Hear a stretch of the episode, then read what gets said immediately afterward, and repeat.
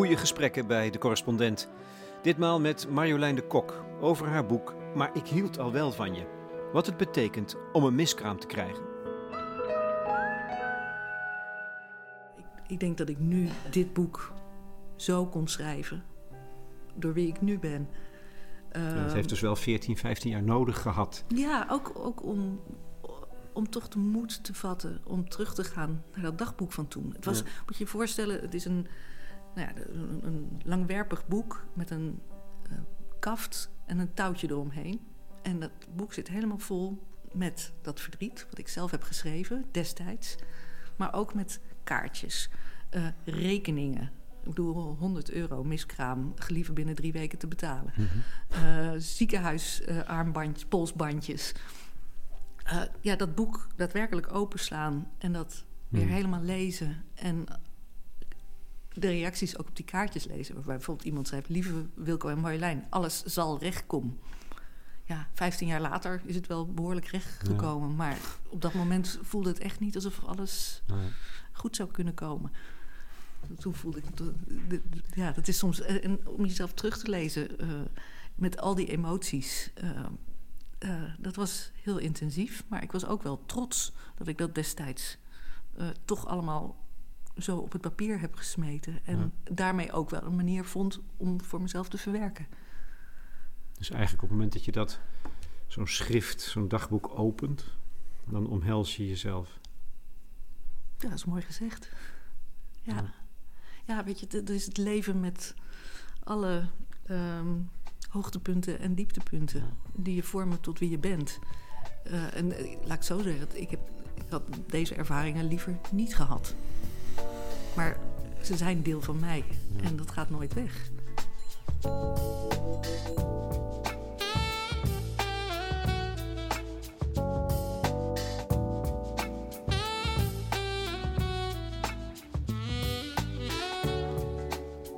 Marjolein de Kok is chef boeken van het Parool.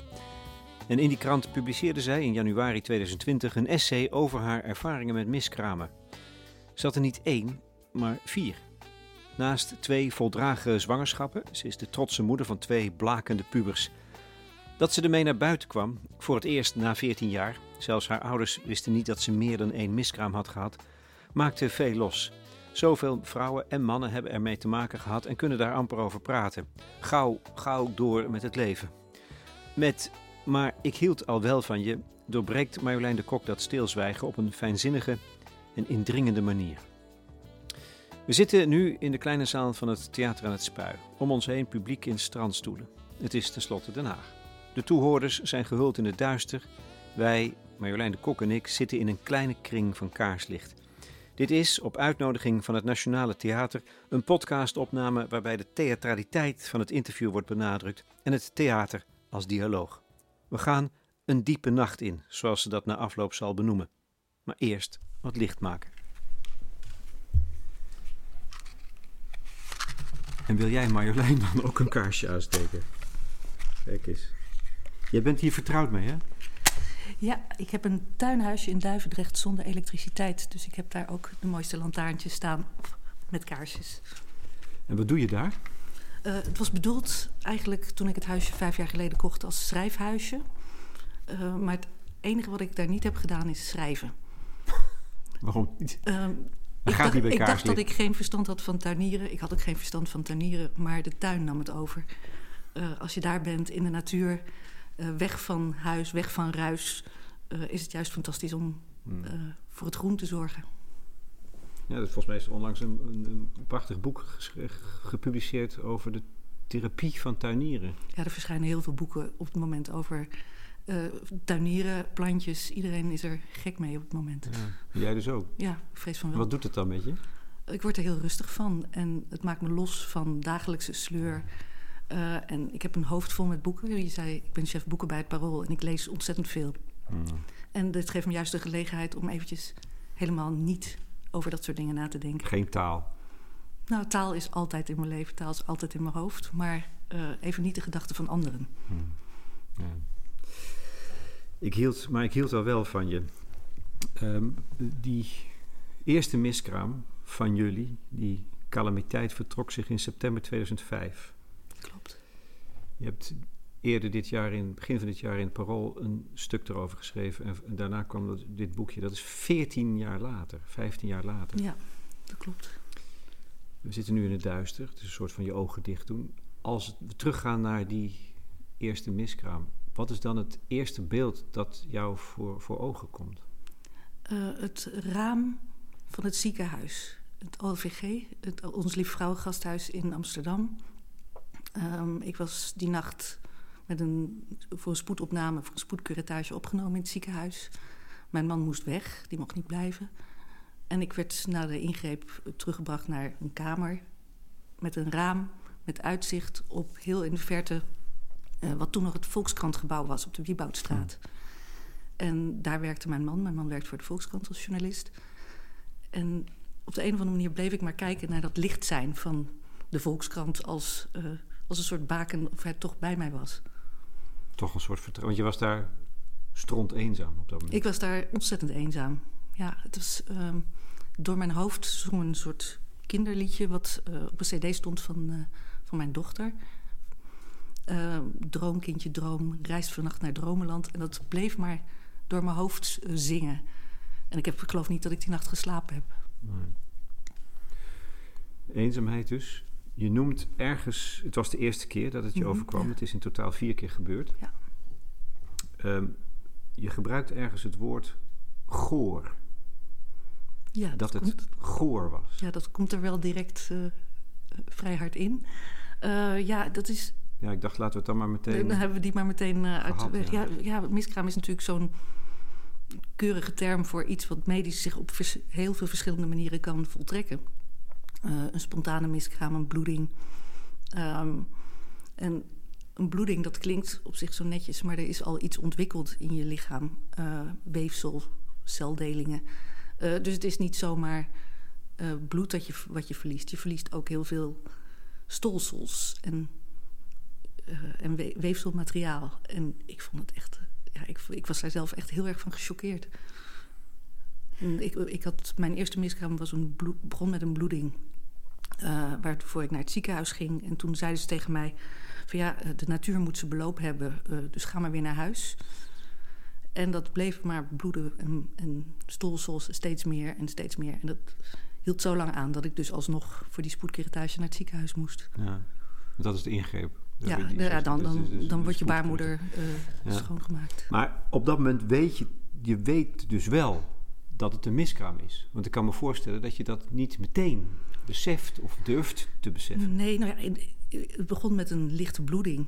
Ja. Uh, en, en, dat kan. Dat, dat kan. ik had, ook bij, ik had ook bij de zwangerschap van mijn dochter. Ik heb het geluk gehad dat ik een eerste zwangerschap heb gehad die ja. vrijwel probleemloos is uh, verlopen.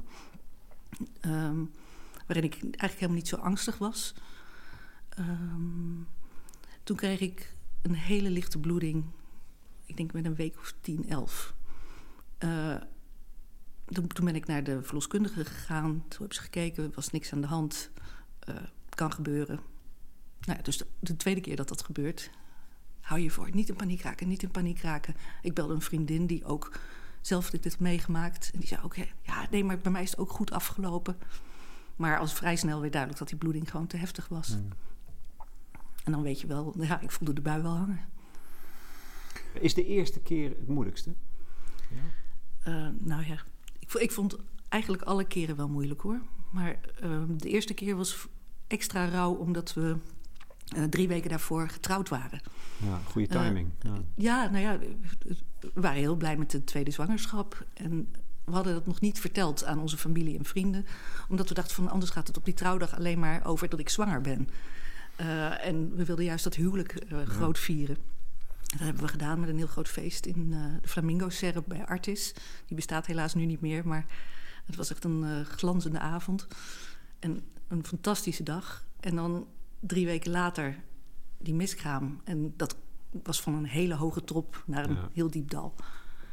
Ja, dat, dat is, maakt het extra moeilijk. Ik, ik denk dat dat het contrast was gewoon zo groot. Van je hebt alles, je denkt alles te hebben. En ineens val je in een soort leegte. Ja. En dan sta je uit het raam naar de baken van de Volkskrant. Ja, precies. Ja, en het is ook, bijvoorbeeld als ik naar de trouwfoto's kijk... Uh, er zijn prachtige trouwfoto's gemaakt van het feest. Is een hele mooie reportage. Maar ik weet altijd, toen was ik zwanger. En ik was toen heel gelukkig dat ik zwanger was. En ja, altijd als ik die foto's zie, zie, weet ik, zie ik ook meteen weer de baken van de Volkskrant in de verte. Ja. En tast dat dan het geluk aan? Het geluk van die herinneringen? Nou, dat niet. Want dat kan ik natuurlijk wel terugroepen en weer zo ervaren. Maar het heeft wel dat randje, uh, ja. randje verdriet hoort er wel bij. Ja. Um, hoe, hoe, hoe, ervaar je dat als vrouw? Een miskraam? Ja, voor mij was het. Um, ik, ik omschrijf het in mijn boek als het grote kale niets. Van, je, je bent zwanger en de buitenwereld ziet nog niet zoveel aan je. Maar je lichaam begint natuurlijk enorm te veranderen. Je hormonen gaan razen. Uh, er gebeurt, ja, je lichaam ontwikkelt zich helemaal. Dus je voelt je ontzettend zwanger. Ik was misselijk. Ik had grote borsten. Uh, ik begon een buikje te krijgen. Uh, dat was ook nog best wel hachelijk met in verband met de trouwjurk. Ik ben getrouwd in het jurkje waar mijn moeder in 1964 is getrouwd. En die was nog niet zwanger? Die was toen niet zwanger. En die was ook, uh, ik was 36 en zij was 26. Dus ik was nou, er heel nou, trots op dat ik, dat ik toch dat jurkje in kon. Maar ja, toen was ik zwanger. Dus het, was, uh, het kon net, zou ik maar zeggen. um, uh, en, en dan heb je die curatage gehad. Maar je bent nog niet je bent nog niet ontzwaard. Uh, die hormonen zijn nog niet allemaal weg. Dat duurt eventjes. Dus je zit daar met al die gevoelens, met het verdriet. En ja, ik vond het zo ontzettend leeg. Ik had het geluk dat mijn dochter er was. En daar heb ik me ook wel heel erg aan vastgehouden. Die was toen... An, uh, nee, uh, anderhalf. anderhalf. Nog, ja. nog, nog geen anderhalf. Een ja. jaar, vier maanden. Had je er oog voor, voor haar? Kon, ja, je, kon je haar als klein meisje dat wel geboren was hebben? Ja, absoluut. Ja, en het is alleen, ik ging haar belachelijk verwennen, bijvoorbeeld. Ik gaf er veel meer toe, uh, ja. toe aan dingen dan daarvoor. Out of the blue, een mooie speelgoedolifant voor de kopen of een mooi fietsje.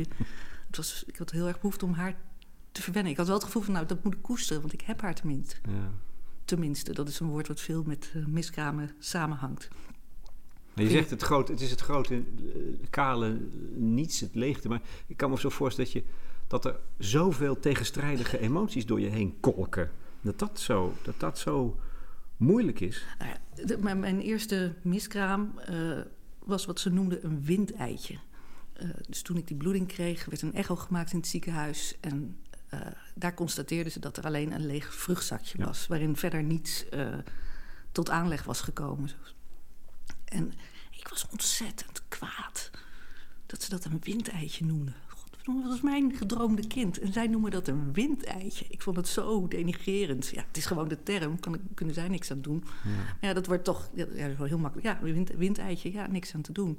Ik dacht, wat nou windeitje? Dit is mijn kind. Ja. Ja, dat, dat maar daar botsen twee ja, dingen op elkaar. Ja, ja en het, maar het is ook... Het, het, dat, en dat is wat, wat ik in de loop van de jaren ben gaan ondervinden... als het gaat over miskramen... Um, ze zijn natuurlijk in een heel vroeg stadium van de zwangerschap. Een miskraam geldt tot 16 weken. Dan noem je het nog een miskraam? Dan is het een miskraam en daarna wordt het een vroeggeboorte. Um, Zo snel al? Dus, ja. dus na ruim drie maanden, ja, nog geen vier ja, maanden? Vier, vier maanden, ja.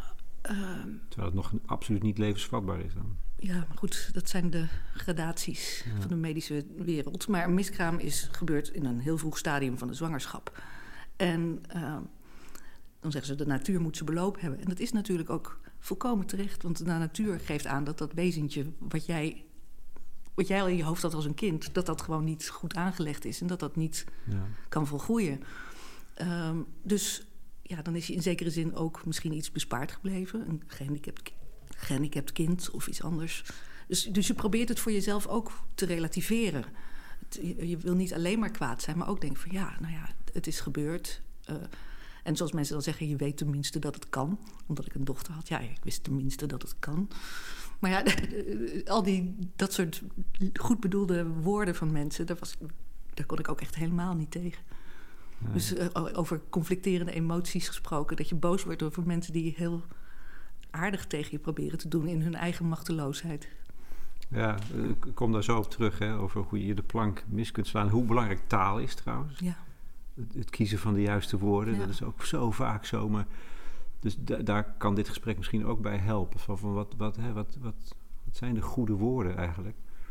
En over, als het gaat over die fase, dus een miskraam is, vindt plaats in de eerste 16 weken maximaal. Daarna krijg je de fase, dan noemen ze het een missed abortion. Een gemiste uh, abortus. Ja. Is, er, is er, denk jij, in de ervaring, want dat heb je volgens mij niet meegemaakt? Nee. Zo een, een latere nee. uh, ja, gemiste abortus dus. Is daar groot verschil in beleving tussen? Ja, dat, dat vind ik moeilijk om uh, uit mezelf te zeggen. Ja. Maar ik merk gewoon wel dat er um, gradaties van leed zijn als het gaat over ja. uh, geboorte, uh, gemiste geboortes, zal ik maar zeggen. Um, want ja, een miskraam is dan eigenlijk maar een hele kleine. Want er was nog niet echt wat, het was Nee. niet veel. Het was misschien een garnaaltje, Een windtijdje. Een windeitje. Uh, ik heb ook een degeneratief feutje gehad. Dat betekent dat het foetusje al aan het ontbinden is in je baarmoeder. Oh. Ook zo'n fijne term.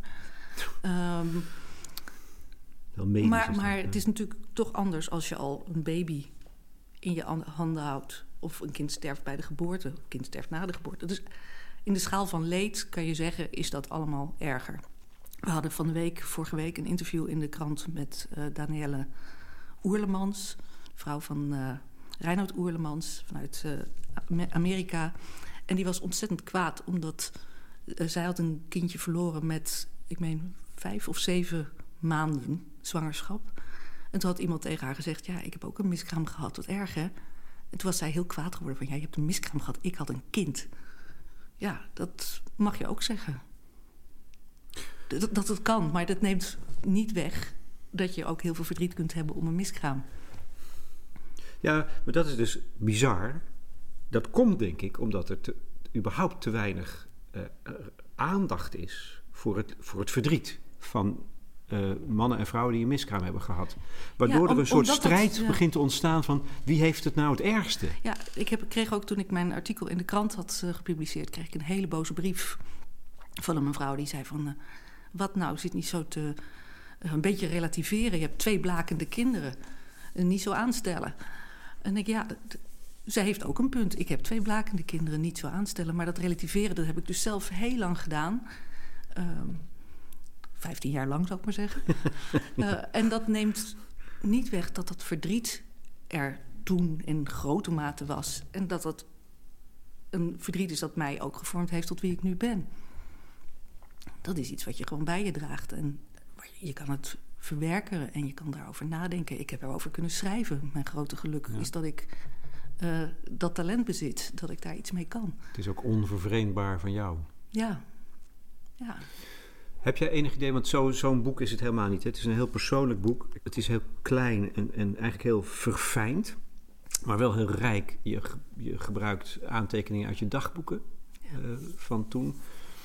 Uh, citaten van mensen die dingen tegen je gezegd hebben. Uh, contacten met schrijvers. nou ja, bespiegelingen. Maar het is heel, nou ja, het is schetsmatig zou je bijna kunnen zeggen. Ja. Het is niet een, een, ik bedoel maar een wetenschappelijk onderzoek nee. naar het fenomeen van de miskraam. Heb je wel enig idee hoeveel, hoe vaak het voorkomt? Volgens de officiële cijfers die ze hier in Nederland gebruiken, is het 11 en een half op de duizend vrouwen. En dat zijn de geregistreerde miskramen. Ja. Um, en breder, ook internationaal, wordt gehanteerd 1 op de 4. 1 op de 4? 1 op de 4 vrouwen die een miskraam meemaakt. Ja. Maar dat is gigantisch veel. Ja, dat is gigantisch veel. Waarom zwijgen we daarover? Dat is precies wat ik me nu afvraag. Want ik merk dat er wel internationaal nu ook meer over gepraat wordt. Dat er um, in Amerika is een vrouw die jarenlang mensen begeleiden met uh, zwangerschapsproblematiek. Die uh, zelf ontdekt of zelf een miskraam kreeg. En pas toen eigenlijk ontdekte wat de impact is en hoe ze daaraan voorbij was gegaan. Zij is in Amerika een grote campagne begonnen, I had a miscarriage. Uh, met een hashtag ervoor natuurlijk. Uh, in Engeland is het gesprek nu behoorlijk op gang gekomen door onder andere een uh, televisieserie Fleabag van Phoebe Waller-Bridge, waarin een miskraam voorkomt. En die miskraam heeft heel veel discussie losgemaakt in, in ja, Engeland. Wordt nooit in beeld gebracht in een beetje sexy serie. Nee, precies. Maar er zijn meer series waar het nu uh, inkomt. In Amerika is een, uh, Dan Vogelman een uh, serie schrijver, producent... die dat zelf, zelfs heel activistisch in een serie, hm. in de serie Us heeft ingebracht. En er was heel veel kritiek ook op... van waarom doe je dat die personages aan? Waarom moeten we dit zien? En hij heeft toen in tweets ook echt gezegd van... ja, maar hier moeten we juist over praten, want dit is het echte leven. En als we in een serie het echte leven willen laten zien... die serie die volgt het wel en wee van een familie... en kinderen en dochters door de, door de decennia heen. Ja. Dus als we het echte leven willen laten zien, dan hoort dat er ook bij. Ja, je noemt ook zelfs, dat vond ik ook verrassend, een film die ik gezien heb, maar waarvan ik niet de herinnering bewaar dat daar het beeld van een miskraam in zit, of de verwijzing naar een miskraam, is, is de fantastische uh, Pixar-film Aap. Ja. Het is een detail, maar het zit daarin. Het zit erin. En ik, Alleen, ik moet zeggen, ik was het ook vergeten. Maar toen ik voor mijn boek op zoek ging... van waar zit er nou in kunst, waar zitten... Ja. ja, ik ben natuurlijk in hele brede zin gaan zoeken naar miskramen... en wat kan ik daarover vinden. En toen uh, kwam ik uh, tegen op de IMDB-website. Dat is de grootste movie film database uh, van de wereld. Dat je daar gewoon een Miscarriage Top 10 hebt. Met series, series en films waar miskramen in zitten. Wat een rubriek. Ja, maar uh, wat een schat aan materiaal. Gone with the Wind. Zit het er ook in? Er zit een hele korte scène in waarin Scarlett aan Red vertelt dat zij zwanger van hem is. En dat ze daar niet blij mee is, want hij heeft zich aan haar opgedrongen. En dan zegt hij, nou, misschien krijg je wel een ongeluk. En dan wil zij naar hem uithalen. En verliest er bij haar evenwicht en valt van de trap. En dan begint de bloeding. Nou ja, dat, dat werd niet gefilmd in die tijd. Oh, maar dat is heel suggestief. Dat was heel suggestief. 16 seconden, je kan hem terug googelen. Ja, dus, uh... ja, maar dat zijn dus wel momenten, ook bij Up. Die, die film over dat huis dat niet wil wijken, een oude echtpaar. En die wordt door ballonnen opgetild. Ja, ja fabuleuze film. Maar dat, dat, je scheert er dus even langs. Ja, de, de film begint met een sequentie van vijf minuten ongeveer waarin hun hele leven samen uh, even wordt samengebald. Jong stel ontmoet elkaar, liggen romantisch in het park, uh, gaan fantaseren over babytjes, uh, bouwen een huisje, een nestje, beginnen een kinderkamer in te richten. Weet je, al die dingen die, mm. die je droomt als je een kind wil krijgen. Um, en dan is er ineens een heel, heel kort zwart getekend scènetje waarin uh, Ellie heet ze, meen ik. Ellie uh, bij de, uh, in, in een stoel zit bij een dokter die haar troostend toespreekt. En dan vervolgens blijft zij triestig en probeert hij haar eigenlijk de rest van hun leven een beetje op te vrolijken met die droom van dat huis dat ze zullen gaan verplaatsen op de een of andere manier. Ja. En maar als je erover hebt, dan zie je dus ineens die scène en dan weet je. Werd nog wel, wordt nog wel over gediscussieerd of het dan uh, een miskraam is geweest of dat haar verteld wordt dat ze geen kinderen kan krijgen. Maar, dus maar, zo, maar zo subtiel ligt het. Je raakt er heel soms even aan. Waarom zwijgen we erover? Ja, dat is mijn grote vraag. Heb je al iets van een antwoord? Nou ja, het is door de jaren heen, uh, ik denk sociaal, cultureel bepaald. Uh, een miskraam was dus niet zo erg. Want een miskraam heeft je behoed voor iets uh, wat ja, misschien erger okay. was. Dat vind ik wel erg pragmatisch hoor. Ja, nee, maar kijk, ik, ik heb het er met mijn moeder over gehad. Uh, die uh, schrok van mijn verhaal over de vier miskramen, omdat ik er maar eentje had verteld. Maar die ging daarna met, me, met mijn vader praten over vroeger en miskramen. En zij zei ook van ja, ja, dat jullie er nu zo over praten en over willen praten. Ja, de kinderen zijn bij jullie natuurlijk gewoon ontzettend gewild. Jullie beginnen later aan kinderen en dan hebben jullie een kinderwens. En dan vinden jullie dat het kind er ook maar moet komen, dat het maar geregeld moet zijn. Uh, alsof we er een beetje recht op hebben. En dat het, we dus nu een groter drama maken van een miskraam dan in de tijd dat zij jong waren. Uh, mijn moeder zei, ja, ik heb ook wel eens een... Uh, ja, wij noemden dat dan een zwangerschap met stukjes erin. of een, een, een, ongesteldheid met stukjes erin, sorry. Ehm, en dan was je eigenlijk blij, want dat was nog voor de pil. Uh, ja. uh, en toen waren er ook veel meer ongewenste zwangerschappen. Ja, dat was natuurlijk in katholieke gezinnen waar heel veel kinderen geboren werden, maar waar ook heel veel miskramen en doodgeboortes voorkwamen. Ja, ik, ik denk van ja, miskraam, daar moet je gewoon kranig overheen zetten. Dat is toch heel lang de teneur geweest. Ik denk dat het ook iets te maken moet hebben met onze angst voor irrationaliteit. Weet je, zeker Mhm. tegenwoordig. Maar goed, het is cultureel bepaald en het heeft ook in alle culturen, denk ik, is het iets wat, waar niet makkelijk over gesproken wordt. Nee. Maar dit overkomt je. Ja. En je doet er niks aan. Nee. En het is een ramp. En het is goor. Ja. En wij willen toch graag leven in een, in een wereld waarin we de dingen be- beheersen. Ja, wij willen een maakbare wereld. Net zoals dat je eh, wil dat je lichaam is maakbaar. Je kan jezelf net zo fit, mooi, gezond, strak maken als je zelf wil. Je, kan, je gezondheid moet maakbaar zijn. Eh, ja, het, daar hoort dit kennelijk ook bij. En, dat, en dat wordt in één kap, hè, die, die, die, dat, nou ja, dat wonder. Je zit heel dicht bij het wonder. En dat wonder, dat wordt stuk geslagen. Ja, en ik denk, eh, wat voor mij gewoon heel sterk speelde, is eh, de medicalisering. Dus je hebt een windeitje of een degeneratief feutje. Dat kan, dat kan je relativeren. Maar op het moment dat jij zwanger bent, in ieder geval dat ik zwanger werd, eh, had ik in mijn hoofd al fantasieën over wat voor kindje ik zou krijgen, hoe dat zou zijn met Het twee, hoe, eh, hoe, hoe we het huis zouden gaan inrichten, hoe we dit zouden gaan aanpassen. eh, en dan loop je door de HEMA en dan zie je al die rompertjes. En ja, dat, dat, dat hele moederschap staat dan aan. En als je dat dan niet hebt, voelt dat ook een beetje als falen. Een beetje. Ja, in, in mijn geval wel. Ik heb niet een totale eh failure gevoeld als sommige vrouwen die ik in mijn boek opvoer. Ja. Die, eh, Want dat is toch ook een gevoel dat heel sterk is. ja, Falen, schaamte, nee, schuld misschien zelfs ja, wel. Ja, nou, schu- schuldgevoel wel. Ehm, want je denkt, dat heb ik echt van heel veel vrouwen ook teruggehoord, van wat als je bepaalde dingen niet had gedaan die je wel hebt gedaan. Ik heb op ons, onze trouwdag ehm, heb ik eh, champagne gedronken. Niet heel veel, maar wel meer dan twee glazen.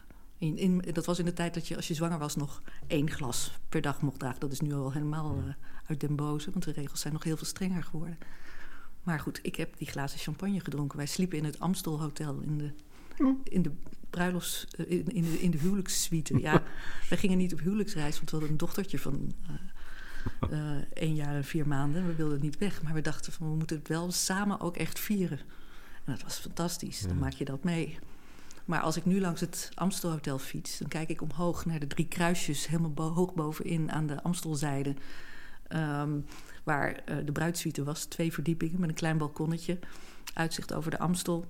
En dan zie ik die kruisjes en dan denk ik, ja, die champagne, wat als ik die nou niet had gedronken? Ja. Ja.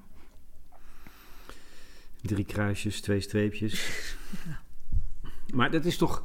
Dat, is, dat, dat loopt allemaal dwars door elkaar heen, die gevoelens. De, nog, nog de herinnering aan het geluk, de, de, de voorstelling, de verbeelding van het, het gesprek dat je al voert met je kind in je buik. Ja, en ik schreef natuurlijk ook die dagboeken. Ik, ik begon eh, in 2005 dat dagboek eh, voor het nieuwe kleintje in mijn buik. En vertelde hoe blij ik was dat het kindje er al was. En dat we het nog niet gingen vertellen op onze trouwdag, maar dat je er al bij bent. En, eh, nou ja, heel intiem en lief. Ik heb voor mijn dochter ook zo'n dagboek bijgehouden. En ik heb voor mezelf ook altijd dagboeken geschreven. Dus het was voor mij heel natuurlijk om dat te doen.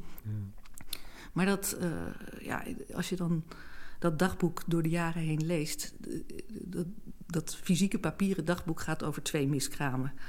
Eh, dat gaat, eh, want ongeveer een half jaar later kreeg ik opnieuw een miskraam. Ehm, dat was het degeneratieve feutje. Ehm, ja, dat, op een gegeven moment schrijf ik in, in het dagboek van... eh, ja, dit is nu een dode kindertjesboek geworden. Hm. En, dan- en dan zie je ook het verdriet. Ik ben, vind het zo verdrietig en ik vind het zo wrang. Maar je ziet ook heel veel pagina's met woeste uithalen. echt gekrast op de pagina. Was gewoon sternakel dronken en boos. En eh, juist als ik dan gedronken had, kwam die woede, eh, kon ik die woede uiten. En als ik dat nu lees, dan dat staat echt op het papier gesmeten. En ik ben wel heel blij voor mezelf dat ik dat toen op die manier heb kunnen uiten. Want zeker met die tweede zwangerschap ehm, was ik tegelijk zwanger met onze bovenbuurvrouw. Met wie we ook bevriend met onze bovenburen. En op een gegeven moment eh, eh, stonden we op de stoep. En toen zei ze, Marjolein, ik ben zwanger. Ik zei, Miek, ik ben ook zwanger. En we waren bijna tegelijk uitgerekend. En we waren echt, het was een stralende dag en we waren zo gelukkig. Het was zo mooi daar op de stoep van de Hoogtekadijk. En, eh, en toen ging het mis bij mij, maar zij bleef zwanger. En ging dus de hele dag met die zwangere buik de trap op en de trap af. En ze kwam iets lenen. En Ja. ik weet dat ik boven was. Ehm, en zij kwam bij ons aan de deur en ze stond met Wilco, mijn man, te praten. En hij gaf haar een compliment over de buik. En ze had het over die zwangerschap en ze moesten lachen. Nou, toen kon ik hem ook wel vermoorden. ik kon hem toen ook vermoorden. Ja.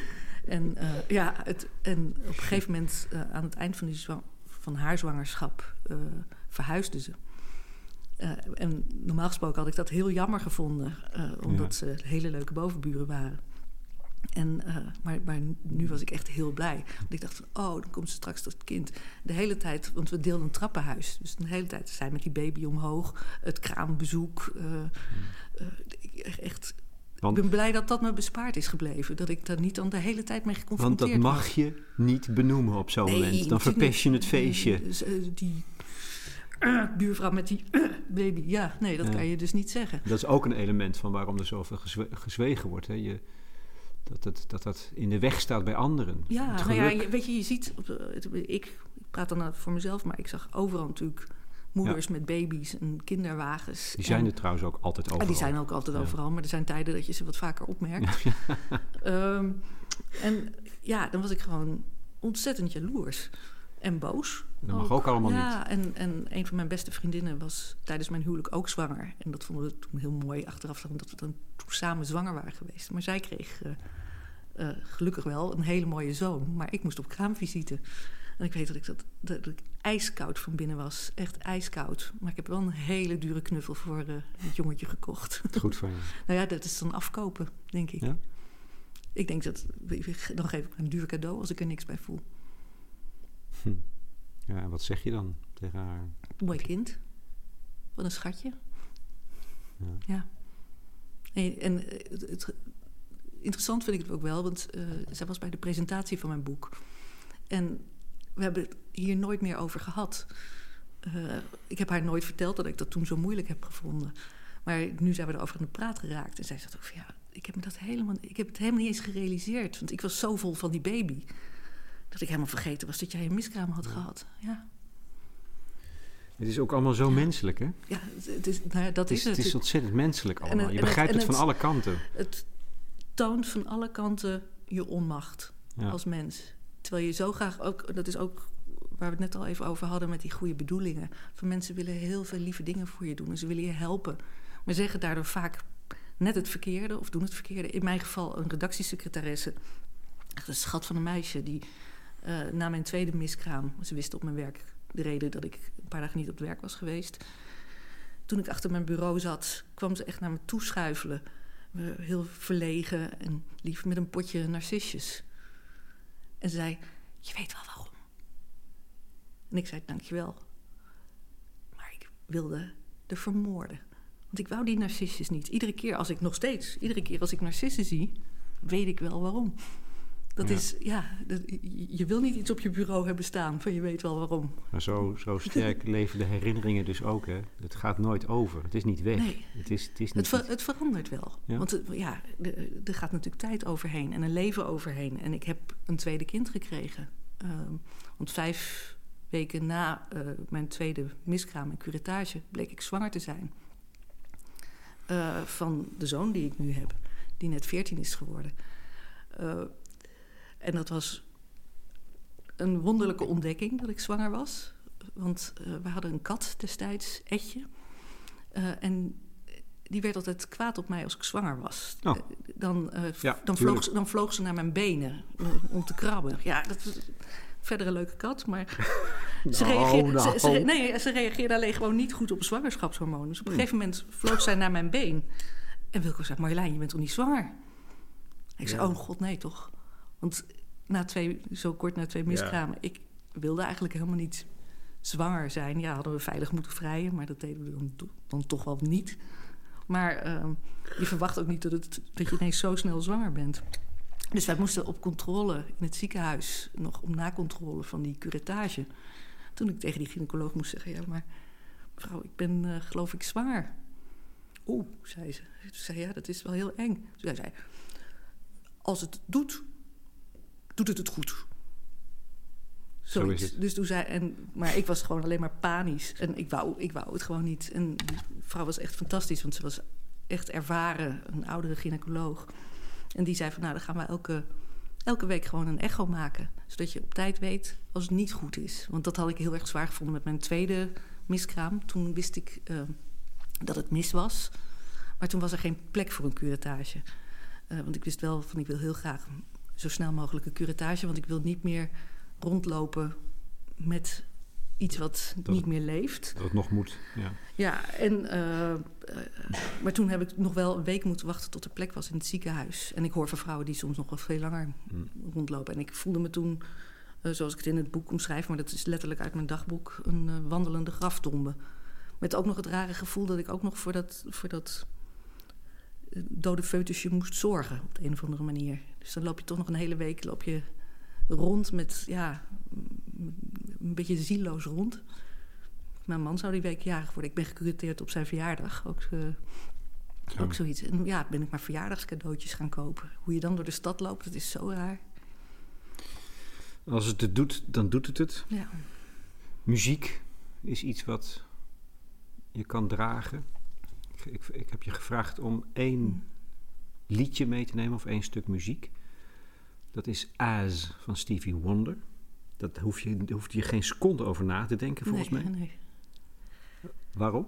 Nou, het, het, speelt een belangrijke rol in mijn leven. Toen Wilco en ik een relatie kregen en gingen samenwonen... Uh, begonnen we met wat wij de thuisdisco noemden. We draaiden uh, muziek en gingen gewoon lekker in de woonkamer dansen. Toen we, hadden we nog geen kinderen, we konden ons helemaal uitleven. En zowel de versie van Stevie Wonder als die van George Michael en Mary J. Blige... Uh, die kwam regelmatig in onze thuisdisco voor. Uh, en toen, um, toen wij gingen trouwen, hebben we aan Rita Zipora... dat is uh, een zangeres, en zij was toen mijn oppaskind geweest. Ze was toen 17... Um, en ik kende haar vanaf dat ze één jaar was. En ze was zich toen aan het ontwikkelen, zou naar het conservatorium gaan. En we hebben haar gevraagd of ze dat op ons huwelijk voor ons wilde zingen. En dat heeft ze gedaan, zowel in het stadhuis als later in de Flamingo-serre. Eén a cappella versie en één met begeleiding van een pianist. Op mijn boekpresentatie is het gespeeld door Candy Dulfer. Hm? Um, wat ook een heel bijzondere ervaring was. Uh, maar als ik dan voor deze setting uh, zou, kies ik dan inderdaad de versie van Stevie Wonder. As. As. As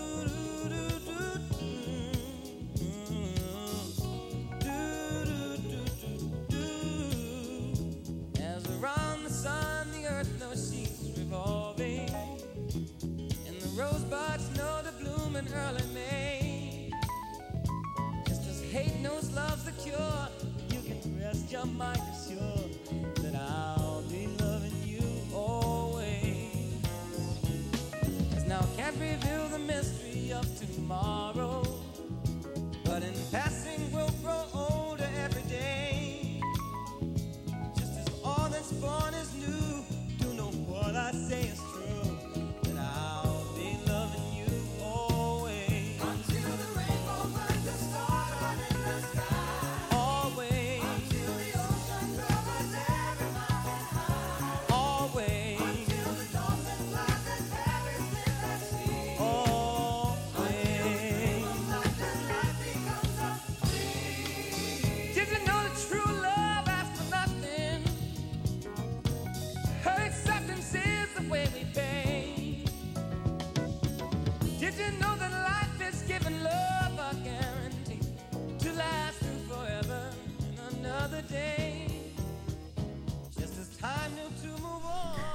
dat valt me zwaar om het zo terug te horen. Valt het je zwaar? Ja, dat emotioneert me enorm. Het is een lied wat de hoogtepunten en de dieptepunten van het leven bezingt.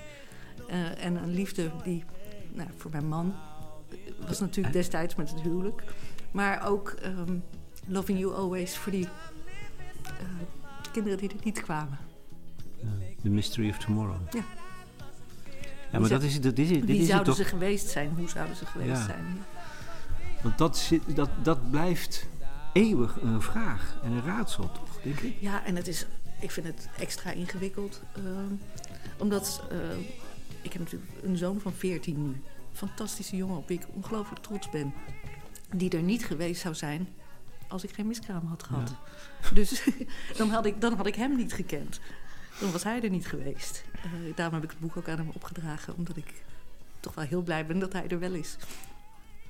Maar ik denk dat dit tekenend is waarom er, en nogmaals, waarom er zo weinig over gesproken wordt, omdat het zo moeilijk is. Omdat je, dit zijn on, onoplosbare dingen. Ja, waar je dus de rest van je leven. Daar kom je niet uit. Ik zag uh, uh, de bovenbuurvrouw over wie ik vertelde. Daar ja. nog steeds contact mee via social media. En op een gegeven moment, uh, dit voorjaar, terwijl ik aan het boek aan het schrijven was, eh, zag ik op haar Facebook en Instagram een foto van haar 14-jarige dochter voorbij komen. Uh, hartstikke mooie meid. En ik voel dan bang. Ik voel dan van, dat was, dat was toen. Ja. En toen ik niet. Het, het, was, wat we net hoorden, As van Stevie Wonder... van een van de allermooiste dubbel LP's ooit. Hè? Die grote oranje hoes. Uh, Songs in the Key, of, Life. life. Maar overigens ook een liedje op staat waar baby gehuil te horen is. Ge gekraai van een babytje. Isn't she lovely? Ja, isn't she... Dat, ja, dat heb je dan maar... Maar dat, maar dat, is, eh, dat is dan weer heel grappig. Dat is een nummer waar ik zelf nooit affiniteit mee heb gehad. Kijk, het is te eenduidig. Grappig genoeg raakt dat me dus niet. ja. Die, Mensen kunnen die kan ik hebben. het ontroerde mij ook, moet ik je bekennen. Um, ja, die, bij, bij die, als er dan, we praten hierover in, in behoedzame termen en als dan de muziek komt, dan gaat er iets stromen. Ja. Mensen kunnen ongelooflijk de plank misslaan, Marjolein de Kok. Ja.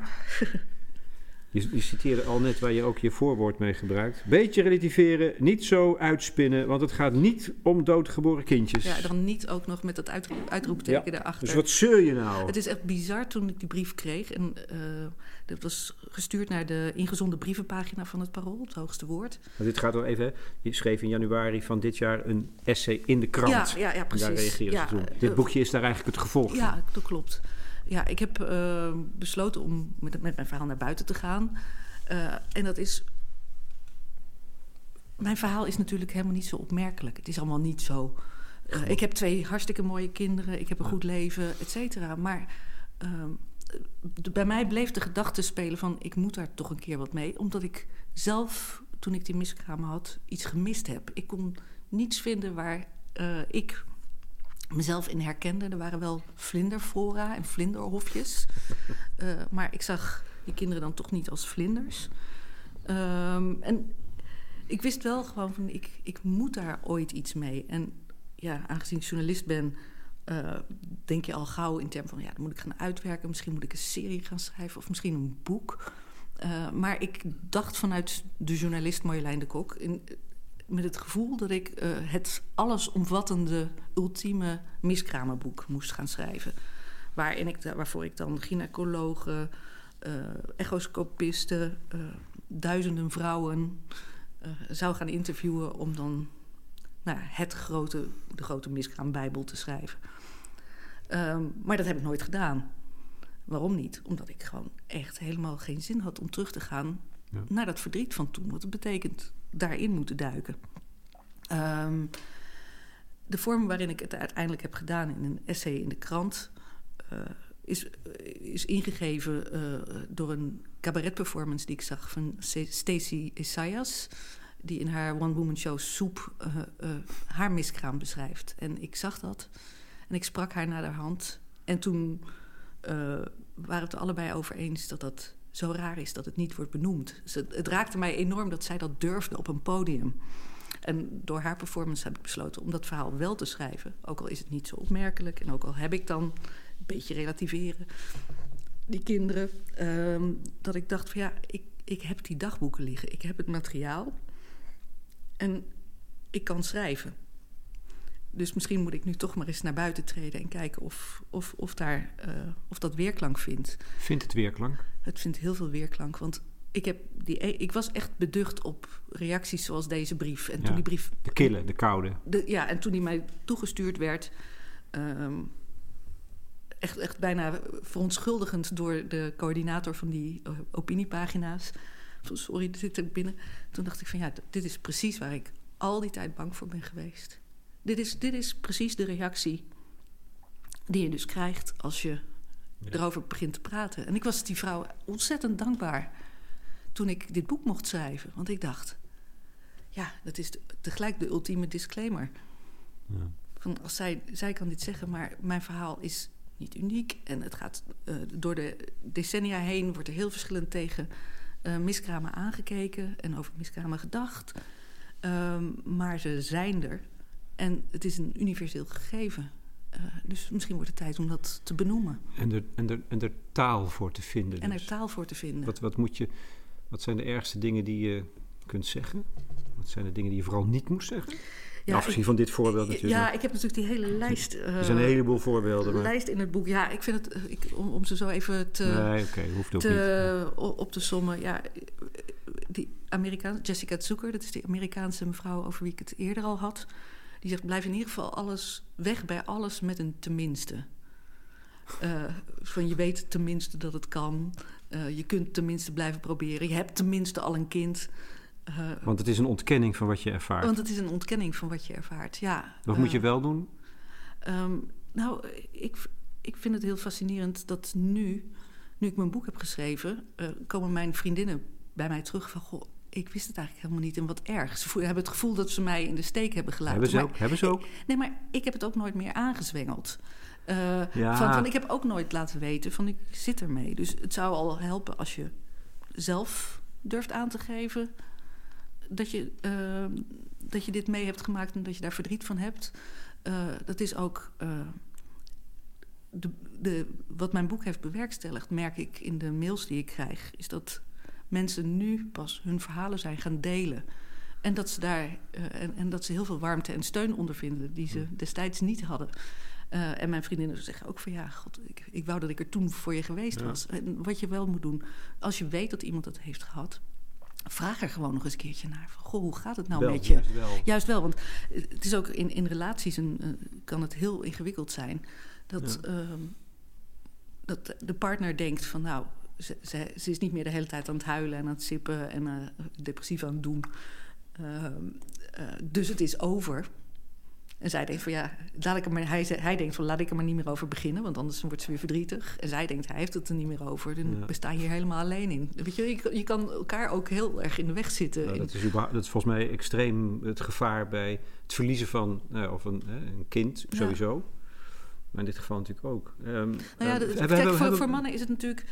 Eh, ze, ze weten wel van, oh, ik word vader. En dat is natuurlijk ook een enorme Ja. omschakeling. En eh, het zal ook heel veel beelden ehm, bij hen teweeg brengen. Alleen, ze zijn fysiek niet zwanger. En Nee. dat is, Maar hebben mannen ook een miskraam? ja, denk het wel. Alleen op een andere manier. Daar weten we nog minder van. denk ik. Nee, dat, dat is ook wat ik, ik vroeg aan mijn man. eh, van, goh, denk jij nou nog veel daar? Gewoon, Eigenlijk toen ik het verhaal in de krant had geschreven. En, en daarna bezig was met het boek. Zei ik van, ja, denk jij er nou nog veel aan? Nou, als die, nu je erover aan het schrijven bent, wel. Dat betekent daarvoor niet. Ja. Terwijl ik er toch altijd nog wel over na bleef denken. Ja, het is het dubbelzinnige, het ambivalente. Je moet dan, als je eraan wil denken, moet je terug naar de pijn. Je moet terug naar pijn. En dat wil je geloof ik liever Nee, niet. nee. Wat je wel kunt doen is rituelen zoeken. Je hebt, je hebt zelf een ritueel ge- ge- gekozen.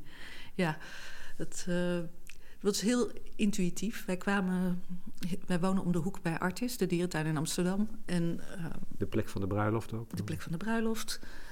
Eh, en eh, ik heb ervoor gekozen om een beetje van het weefsel van die eerste miskraam eh, in een heel mooi houten doosje met een fotootje van ons erbij eh, illegaal te begraven in de Japanse stenen tuin.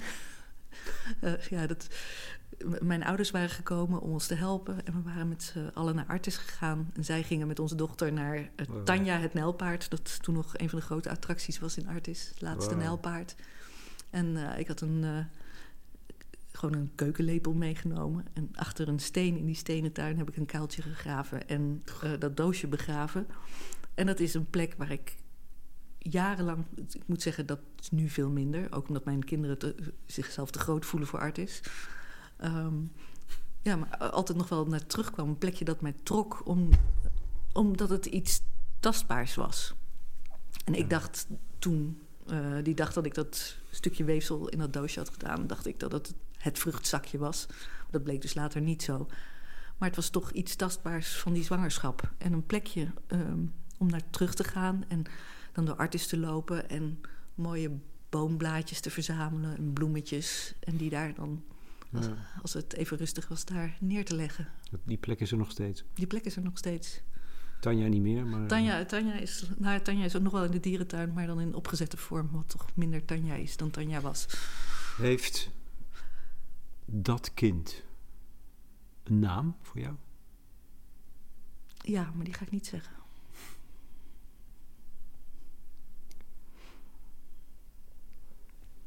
Ehm, ik vraag het ook omdat wat je nu vertelt is het een plek geven. Ja, Terwijl dat ook een, een van die uitspraken is waar je van het gevoel kunt hebben dat dat, ja, je moet het een plekje geven moet in je het een leven. plekje geven, nou, ja. als, dat Nou, is een van die dingen voor nou, heb ik, vergeet het he- maar. he- heb ik heel letterlijk gedaan. En ik heb Ja. het natuurlijk sowieso, heeft het, heb ik het een plek gegeven in mijn leven en heeft het een plek gekregen in mijn leven. Ja. Eh, en, en die gekregen plek, dat is door het schrijven van het boek. Dus, dus de taal ervoor vinden. De Maar taal ervoor vinden en, ehm, ik, ik, ik, en er iets tastbaars mee doen.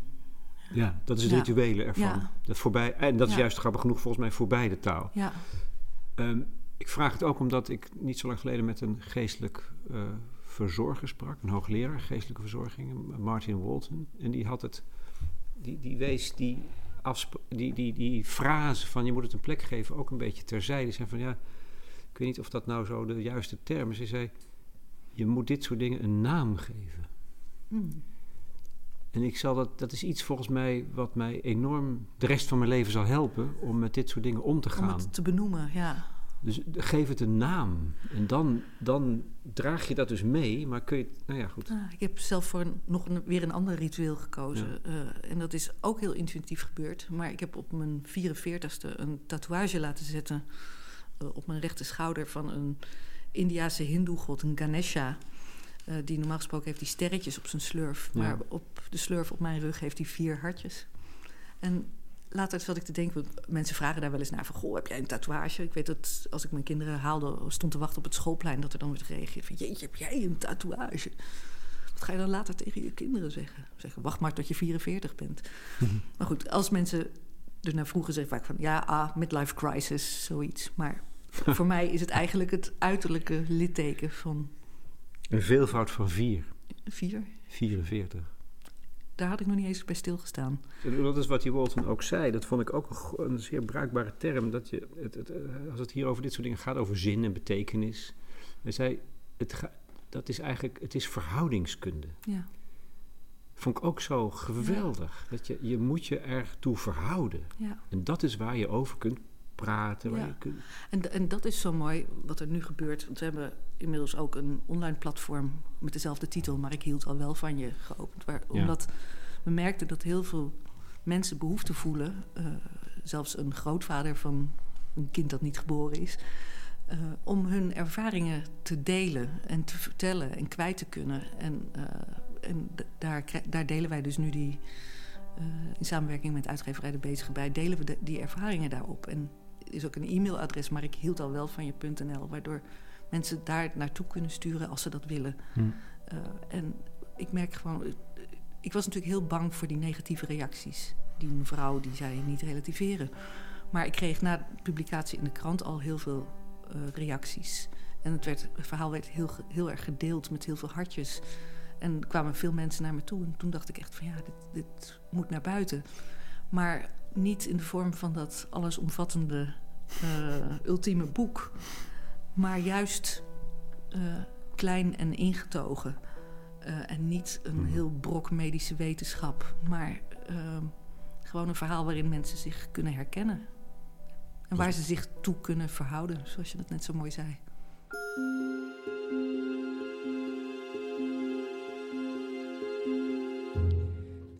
Marjolein de Kok in gesprek met Lex Bolmeijer voor de correspondent over haar boek Maar ik hield al wel van je. Nou, ze is niet de enige met deze ervaring of vergelijkbare ervaringen. Ik kan me goed voorstellen dat er behoefte is om door te praten en ervaringen te delen. Welke taal hebben jullie gevonden om er een naam aan te geven? Welke rituelen hebben jullie bedacht om het een plek te geven? Laat het weten op het platform. Dat is toegankelijk voor leden en je bent al lid van de correspondent voor zeven tientjes per jaar. Daar krijg je dan een jaar lang kwaliteitsjournalistiek voor voorbij de waan van de dag. Nu komt er nog een kleine epiloog. Ik bied in het Theater aan het Spui op uitnodiging van het Nationale Theater bij deze sessies altijd ruimte voor vragen. Die kwamen dit keer niet. Kon ik me ook goed voorstellen. Zo eh, indringend was het gesprek geweest en ik vond het ongepast om op de vrouw af te vragen wie van jullie is ook ervaringsdeskundig. Toch zijn er altijd nog dingen die ook genoemd hadden kunnen worden, vragen die achterwege zijn gebleven.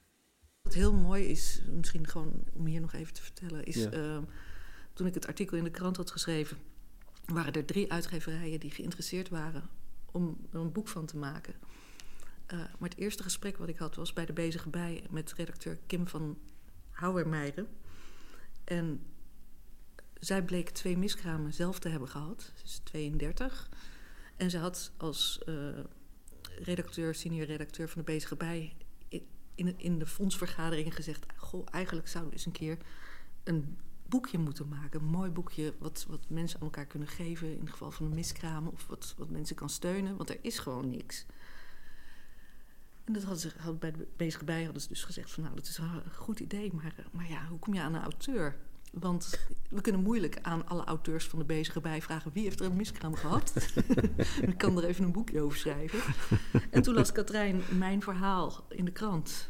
En toen dacht zij auteur gevonden. Hmm. En toen ik met haar sprak, had ik mijn redacteur gevonden. Dus toen heb ik de Ja. andere uitgeverij ook meteen afgebeld. Omdat dit voelde als een hele goede match. Organisch, dan valt Ja, dat- echt op zijn het, plek. Het viel allemaal op zijn plek.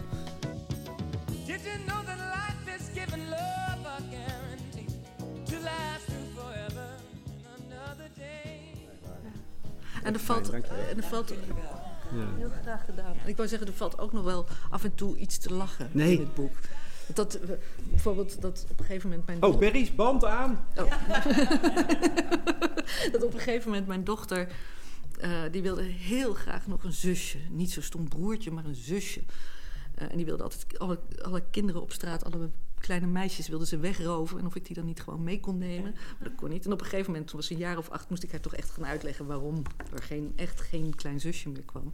En toen vertelde ik dat we het nog wel hadden geprobeerd, en dat, eh, maar dat het vier keer niet was gelukt. En toen zag je zo dat koppie, die bruine oogjes, en je zag dat radertje gaan draaien. En was zo, maar mama, als jij zes keer zwanger bent geweest, hebben jij en papa dan zes keer seks gehad?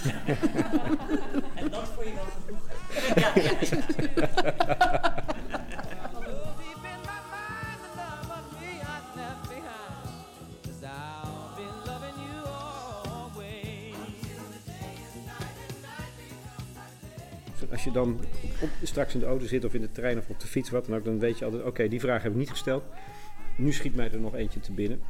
En dat is best wel een, een praktisch ding. Wij hanteren als cultureel en traditioneel een soort 12 weken grens. Ja, de beroemde twaalf weken grens. Hè? Want dan, dan, hè, dan praat je er niet over. Ja. En daarmee houd je het zwijgen in stand. Ja, ja, het is bizar. Het, is- ik ben namelijk instinctief nu heel fel militant tegen die 12 weken grens. Waar het niet dat ik bij mijn tweede, derde en vierde zwangerschap hem zelf in stand heb gehouden. Ja. En zelfs naar de hand niet heb verteld over de miskramen. En dat was weer omdat de familie ook zoveel verdriet had om die eerste miskraam.